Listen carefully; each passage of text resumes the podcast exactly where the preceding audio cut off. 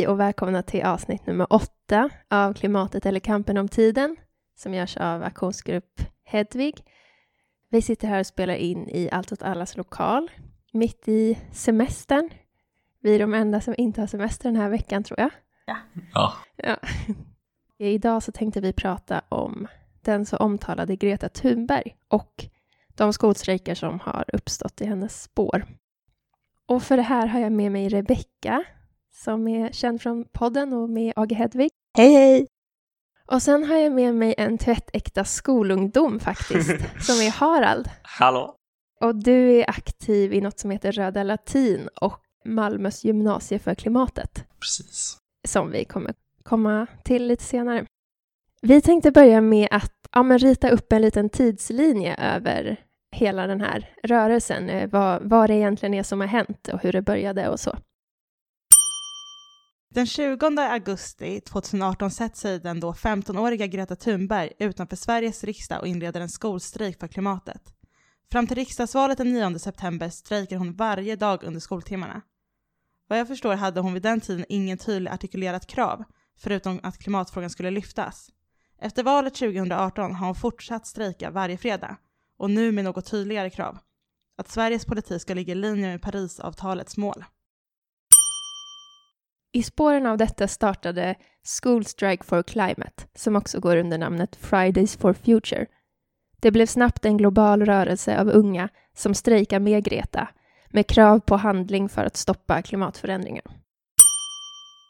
Den 30 november 2018 anordnade australienska ungdomar en landsomfattande skolstrejk som på vissa platser samlade 10 000 personer. I december talade Greta för Climate Justice Now inför FN på klimattoppmötet COP24 i Katowice. Men efter detta spreds skolstrejkerna också till Österrike, Belgien, Kanada, Nederländerna, Tyskland, Finland, Danmark, Japan, Schweiz, Storbritannien och USA. Den 25 januari 2019 talade Greta på Världsekonomiskt forum i Davos. Samma vecka samlades 32 000 ungdomar i ett demonstrationståg för klimatet i Bryssel. Den 15 mars anordnades den första Global Strike for Future för skolungdomar. Det uppskattas att 1,6 miljoner människor i 123 länder deltog i strejken. Den 24 maj anordnades den andra Global Strike for Future som bland annat samlade 6 000 personer i Stockholm och 320 000 i hela Tyskland. Den 21 juni anordnade tyska Fridays for Future en skolstrejk i Aachen i samband med vår favoritmassaktion Ende Gelände som samlade 40 000 personer. Fridays for Future Tyskland uttalade sitt stöd för Ende Gelände och deras metoder men poängterade också att Fridays for Future vid det här tillfället skulle hålla sig till lagliga metoder. Den 20 till 27 september i år planeras en tredje Global Strike for Future, som dessutom ska omgärdas av en aktionsvecka. Den 25 juli uppmanade Greta och Fridays for Future alla fackförbund att strejka med dem den 27 september. Ingen av de stora facken verkar hittills vara intresserade, tyvärr.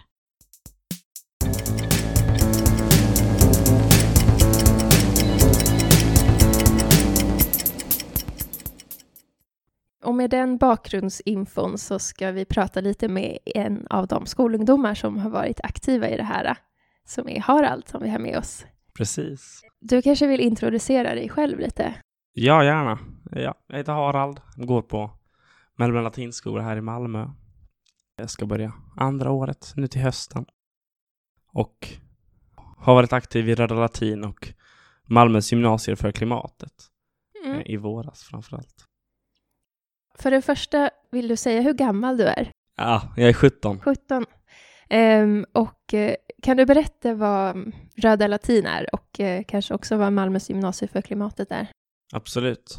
Röda Latin är en socialistisk och feministisk skolgrupp som vi har på Malmö Latin som kommer ur att vi var några stycken som gick på skolan som tyckte att vi skulle starta upp en skolgrupp för att kunna driva elevfacklig kamp. Liksom mm. och vinna, vinna grejer för vår skolgång liksom.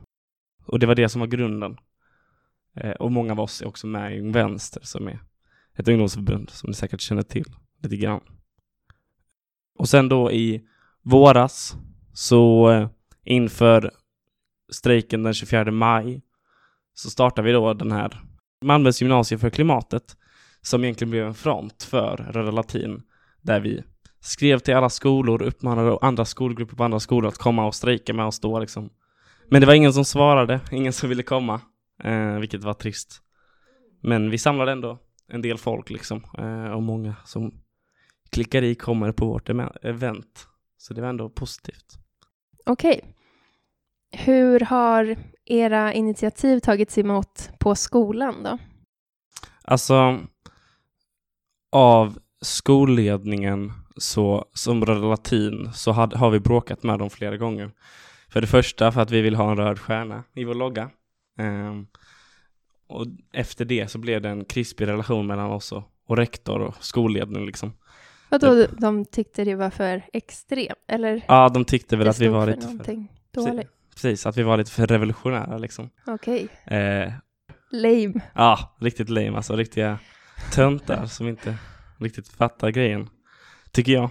Och de sa också att det var liksom, ja men tänk så hade det kommit bruna latin som vill starta upp ett fascistisk, en fascistisk skolgrupp. Skulle de då få göra det liksom? Och det var, vi tyckte det var, ja, det, vi var några som blev väldigt, väldigt arga och tapetserade. Sjukt att göra den jämförelsen. Eller hur? Och tapetserade, vi tapetserade hela skolan i våra posters eh, mm. på rektorns dörr och så vidare. Så att de har inte blivit emottagna så väl av skolledningen. Eh, våra lärare tycker, de lärarna som jag har, tycker väl vissa att det är en bra grej och andra att det är en dålig grej. Och eleverna på skolan skolelever idag har ju en fruktansvärd klimatångest, skulle jag säga. Överallt. Om man är på fest, om man träffar någon i skolkorridoren och pratar liksom om klimatet så har alla en ångest för det. Men det är ingen som vill organisera sig, det är ingen som vill driva klimatkamp liksom, utan de röstar på Miljöpartiet i skolvalet och sen källsorterar de och de tror att det kommer lösa klimatkrisen. Liksom. Mm. Så intresset är lågt, skulle jag säga. Okej. Okay. Vilket är deppigt. Mina förhoppningar på er generation som jag har kommer alltså kraschas här. Tror du? Alltså, jag hoppas ju inte heller det. Eh, och jag tror inte det heller. Jag tror att det kommer ett uppvaknande och vi ser också att det är liksom folk. Alltså jag var på demonstrationen i Lund den 15 mars där de hade mobiliserat på ett helt annorlunda sätt. Där de hade fått, jag tror det var 2000 personer som hade klickat i, kommer på eventet. Mm. Hela Spiken i princip klimatstrejkade. Skolan stängdes ner i princip för att det var ingen som var på lektionerna och det var något av det mäktigaste jag varit med mm. om liksom. Så. Så att jag tror att det finns en, eh, att hoppet är inte dött Nej. överhuvudtaget. Men eh, det krävs att vi som är organiserade i andra organisationer också tar vårt ansvar att organisera våra kamrater, eller våra klasskamrater, våra skolvänner. Liksom. Mm. Vi, vi tänkte att vi skulle fråga dig om hur samarbetet har varit mellan olika skolor då, men har det funnits något sånt överhuvudtaget? Nej, alltså i Malmö så har det varit tyst, vet jag. Eh, vi har skrivit till olika elevkårer på olika skolor, andra grupper liksom. Vissa grupper har hört av sig och sagt att de inte kan komma. Andra grupper har inte ens svarat liksom. Mm. Uh, men potentialen finns ju där, tror jag. Om man letar efter den liksom. Sen krävs det väl också mycket förarbete och att på något sätt göra det coolt att strejka. I Malmö är det liksom inte bland gymnasierna coolt att eh, klimatstrejka medan i Lund, där jag egentligen kommer ifrån, även om jag går eh, i skola i Malmö, så eh, blir det coolt att klimatstrejka på vissa skolor för att alla gör det. Liksom. Och det är väl det som krävs. Så samarbetet har varit eh, obefintligt. Ja, men det jag, känns som att eh, skolstrejkerna inte riktigt har slagit igenom i Sverige generellt lika mycket som det har gjort i de här andra länderna som vi nämnde där det var liksom flera tiotals tusen. Liksom, som. Har du någon tanke om varför det är så dåligt i Sverige? Jag tror att det är att vi, har, vi litar så mycket på, på det svenska systemet. Vi litar så mycket på våra politiker. Liksom. När våra föräldrar litar på det så gör vi det också det automatiskt. Den tilliten kanske inte finns i andra länder där korruption är vanligare. Det finns ju samhälleliga problem i Sverige också. Det är inte det jag säger, men jag menar att de kanske tar sig uttryck på andra sätt och inte lika tydligare för dagens liksom, ungdom att hitta. Nej. Och då har man också en annan, en annan tillit till, till liksom samhället. Så då vågar man inte göra uppror på ett sådant sätt, utan det, det är snarare att man inom systemet och inom liksom samhällets ramar försöker föra någon liten kamp i det egna, som egentligen inte gör någon skillnad. I lite större perspektiv då, hur ser du som skolungdom på dels Greta Thunberg men också hela den här rörelsen? Jag ser en rörelse som på riktigt kan förändra samhället liksom. Så länge man ser till att eh, radikalisera den i någon riktning så skulle det verkligen kunna gå att byta system för att det är, även om Greta inte pratar om det rakt ut, så skulle jag ändå säga att mycket av det hon säger handlar om att vi kan inte leva som vi gör idag. Och det är på grund av hur vi konsumerar och hur storföretagen producerar saker. Liksom. Att det handlar om kapitalismen. Och folk lyssnar ju på det. Så att jag tror att det finns en potential och efter den här klimatstrejken 15 mars, den globala första, så satt jag på Ariman i Lund med min kompis och vi var helt höga på känslan av att idag har liksom 1,6 miljoner ungdomar i hela världen strejkat för klimatet Mm. och känner att nu blir det revolution snart. Och den känslan, den har jag aldrig känt innan och jag tror att jag kommer få känna den i den här rörelsen fler gånger. Än Mm. den. Och det är väldigt, ger hopp. Ja, peppigt. Ja, verkligen. Ja, vi kanske kommer återkomma lite till det här med om Greta är antikapitalist eller inte lite senare. Absolut. Är det något annat du känner att du vill ha sagt? Jag tänker bara att man ska uppmana de ungdomar man har i sin närhet att ta initiativ, att gå ut och strejka med oss liksom. Att komma på våra möten om man har, om man känner någon som går på latin eller ta kontakt med oss via Facebook eller Instagram, vi finns där. För det kommer göra skillnad om folk vill organisera med oss på andra skolor i Malmö. Tack Harald. Tack själv.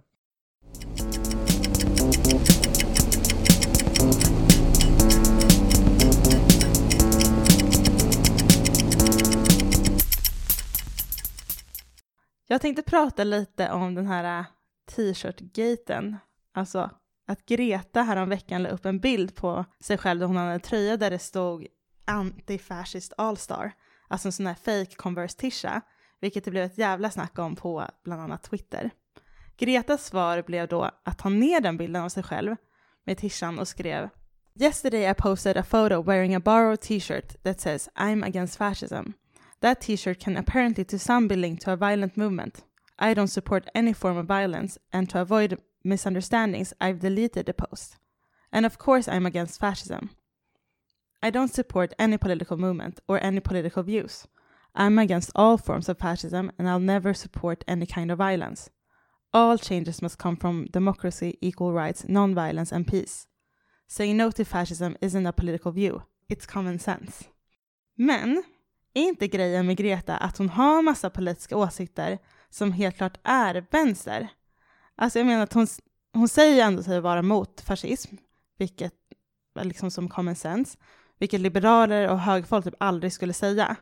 Men vad betyder det att hon går ut och säger att hon inte har en politisk åsikt? Det är så fruktansvärt tidstypiskt att låtsas som att klimatfrågan och andra frågor är apolitiska. Och ett typexempel på det här är så här två kommentarer på det här som Greta skrev. Okej, okay, det här är bara två random personer alltså. Någon som heter, jag vet inte, ska man outa det? Någon som Gör heter, det. Ja, någon som heter Andrea Mattsson som skriver så här. The movement against the climate crisis is a political movement. It is impossible not to support any political views. Eller vad säger ni? Ja, jag håller med om det. Ja, jag också. Visst? Okej, och sen så kommer då den här andra personen, CT, Cutthroat står det för, som skriver The movement against the climate crisis is a survival movement.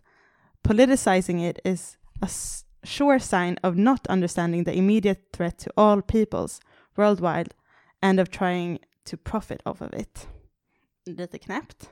Ja, men också så att många ser på det och jag tror det finns en stor del av klimatrörelsen som ser på det så också. Ja, precis. Och då har man ju alltså inte alls förstått vad grundproblemet i klimatfrågan gäller, alltså kapitalism. Och det är ju jävligt tydligt att Greta har det, då hon snackar om antikapitalism hela tiden. Alltså även då om hon som du sa Harald kanske inte säger det rakt ut så är det ju liksom undertoner hela tiden av att byta system och sådär. Okej, okay. men ja, jag ska inte hålla någon sån lång rant om det här. Jag ville bara säga att jag hoppas och vill att Greta ska stå på sig med att faktiskt visst vara en person med politisk agens och inte gå med på att det bara är en survival movement som den här random snubben på Twitter kallar det och att det är fett förvirrande att gå ut och säga att hon inte har någon politisk åsikt. Alltså, inte det ett stort frågetecken? Jo. Absolut. Ja, och sen tycker jag också bara att hon ska vara out there med att, vara, att antifascism är självförsvar och att det ändå är fett vettigt att tycka, vilket hon obviously gör då hon går på anti-nazi-demos och så vidare. Jag håller med. Och jag tänker också att genom att, att förändra hegemonin lite sakta i taget så kan man också få en allmän bild av liksom samhället, att vi måste vara antikapitalister för att lösa klimatfrågan. Så jag tänker att hon ändå är ganska smart i sina uttalanden. Men jag förstår också varför man skulle vilja att hon gick rätt ut och sa vad hon tyckte liksom. Ja, men också att man måste vara antifascister för att typ lösa klimatfrågan. Verkligen. vilket jag tänker är en jättebra poäng med den t-shirten också. Mm. Ja, men alltså Twitter, det är så jävla mycket LOL-grejer som uppstår där. Men jag tycker det är väldigt intressant med de här två tweeten du läste upp, för att det, de representerar ju på något sätt två olika syner på klimatfrågan. Och det här med att liksom att det står över politik typ, det, det tycker jag är skitmärkligt, men jag tror det är många som tänker så. Och jag tycker Greta är så här lite lik Extinction Rebellion som, som ni pratade lite om i förra avsnittet utan att nämna dem vid namn så var det dem. Eh, I att så här, man pratar om att det krävs liksom radikala förändringar och så, men man nämner inte riktigt kapitalismen ändå vid namn. I Gretas fall så kan det ju ha att göra med att hon är 16 eller liksom hon kanske inte har... Man kanske inte kan ha samma krav på en politisk analys liksom. Men, men jag hoppas att eh, hon växer sig till att bli en eh, antikapitalist och att hon säger det Ja, absolut. Alltså man kanske inte kan ha hur höga krav som helst på massa ungdomar, men samtidigt sitter jag och har det här som bevis på att man kanske visst kan det. ja, absolut. Och jag tänker också att det finns potential i den här rörelsen. När hon, när hon kommer ut som antikapitalist så kommer kanske de som har hyllat henne, typ Barack Obama, andra, andra nyliberaler, dra tillbaka sina hyllningar. Men samtidigt kommer alla de ungdomar som redan är organiserade fortsätta vara det. För det är det enda sättet vi kan förändra på. Exakt, och där kommer alla antifascister också haka på. Precis. Vem tar på sig det här uppdraget då, att skola Greta till att bli antikapitalist? Jag tänker som sagt att hon redan är det, bara att hon kanske Ja. inte säger det Mm. eh, ut. Och att hon, om inte, kommer bli det av sig själv, typ. Inom en snar framtid. Eller så får hon bara lyssna på den här podden. Så kommer hon bli det sen. Eller hon är ju det, men kommer hon förstå varför hon ska säga Hon det. kanske hör av sig till Röda Latin efter det här avsnittet. Det kan man hoppas. Ja, hon ska ju typ precis börja gymnasiet. Perfekt.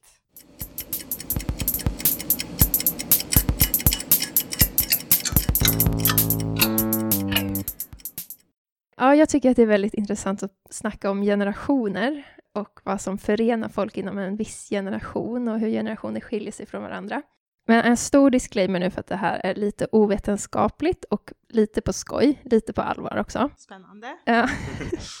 Men det, tycker jag är väldigt intressant när vi pratar om potentialen för den här rörelsen.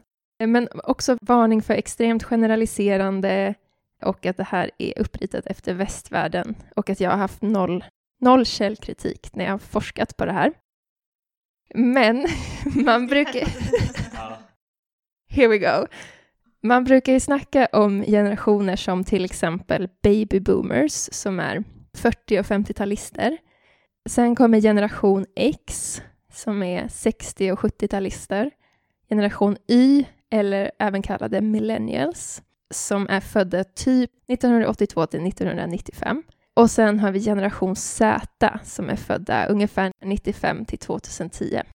Och du och jag, Rebecka, vi räknas ju då in som millennials. Och Harald, när är du född? 2002? 2002, ja. Så du är generation Z då? Ja, mitt i prick alltså. Ja. Och sen så har vi, mina föräldrar tillhör eh, generation X, men de är lite på gränsen till baby boomers föräldrar. Och jag har kompisar som har eh, baby boomers som föräldrar liksom. Så det är mitt förhållande till dem.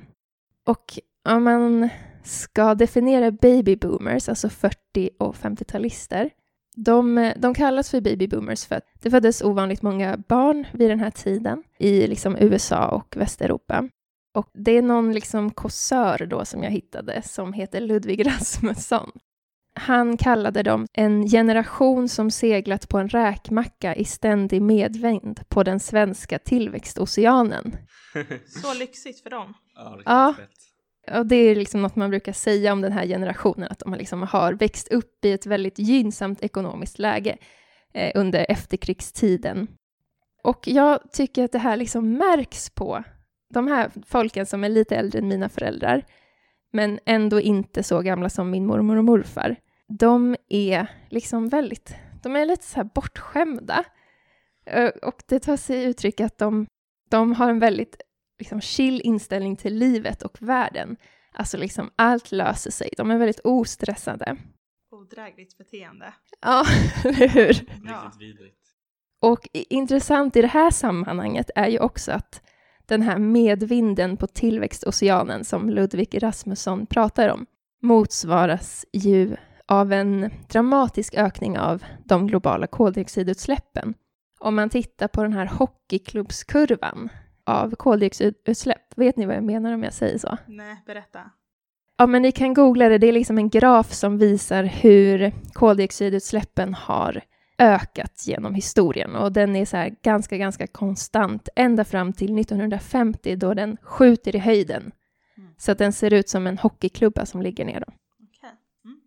Så den här dramatiska ökningen sammanfaller liksom med den här generationens uppväxt. Den här allmänt eh, avslappnade inställningen som de har i kombination till att de har skördat så mycket framgång på fossila bränslen just.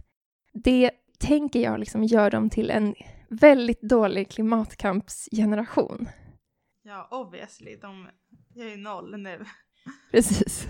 Verkligen. Värdelösa. Ja, värdelös generation. ja. Sen eh, kommer generation X. Jag kommer inte prata så mycket om dem för att eh, jag har inget intressant att säga om dem. Det, det enda som utmärker dem är tydligen att de är väldigt ironiska. ja, det är inte jätteintressant om man ska vara helt ärlig. Nej. Okej, men hoppa fram till millennials födda 82 till 95. Vi kännetecknas av att vi är framför allt bekväma med den nya informationsteknologin, alltså väldigt bra på att använda internet. Där är ju baby boomers katastrofala också. Ja, Mm. ja Det är jag alltså- tillför. ja. Vi är också självupptagna och mår väldigt psykiskt dåligt. Vi är sena med att göra vuxna grejer som att få jobb, flytta hemifrån och gifta oss, skaffa barn och sådär. Och det här har att göra med att eh, vi millennials, alltså många av millennials skulle gå ut på arbetsmarknaden 2008 eller tiden därefter när det har varit ja, väldigt dålig arbetsmarknad och eh, det finns väldigt få bostäder och så. Så att, eh, ja, vi har liksom inte så gynnsamma samhällsutsikter, eller vad man ska säga. Och eh, då ja, för, kan man inte få jobb eller flytta hemifrån och man vill ju framförallt inte skaffa barn. För man är också deprimerad. Ja, därför fördriver vi tiden med att spela in podd istället. ja, precis. Vi är poddar, det funkar okej.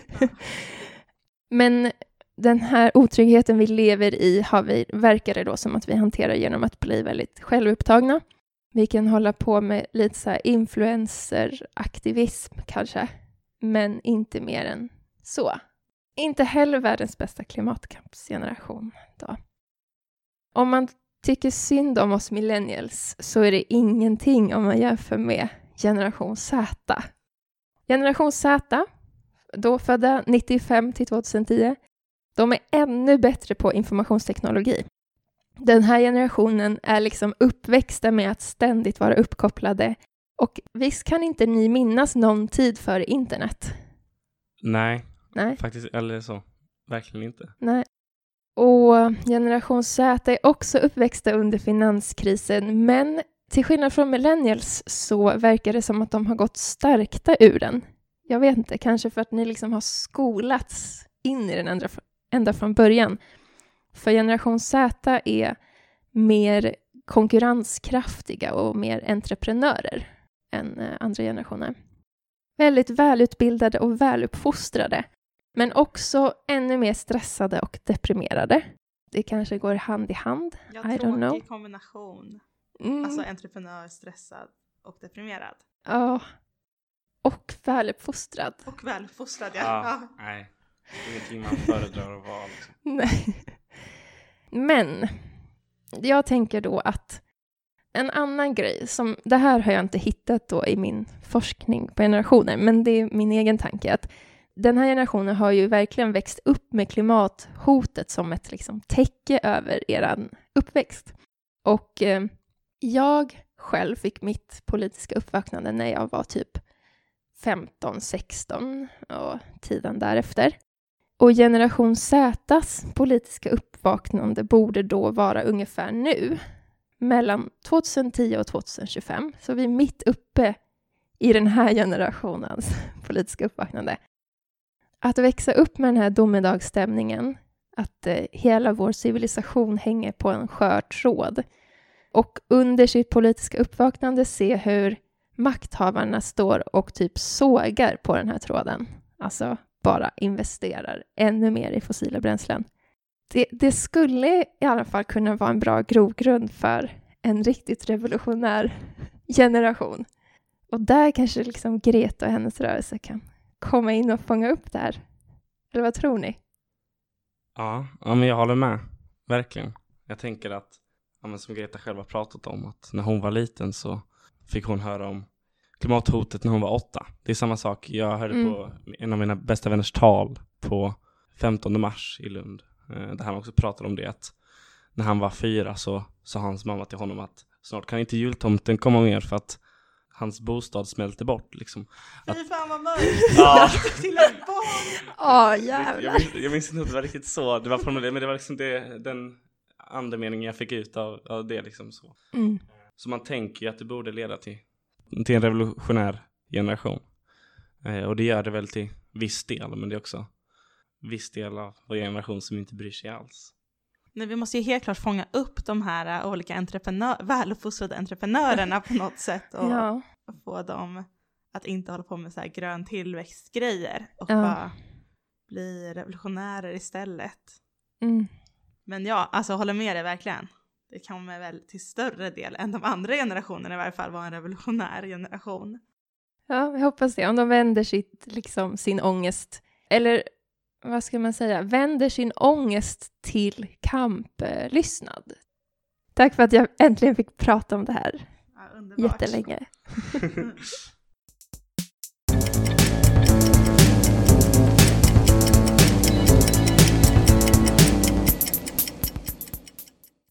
Det var allt för den här gången. Tack så jättemycket Harald som kommit och representerat Röda Latin. Tack själv. Det har varit en ära att vara med i er fantastiska podcast. Ja, och hoppas att vi ses på några aktioner i framtiden. Det gör vi säkerligen. Vi vill också passa på att tacka The Long Chainies för att ni har gjort en så fin jingel till oss och Allt åt alla Malmö för att vi får använda er lokal och poddutrustning.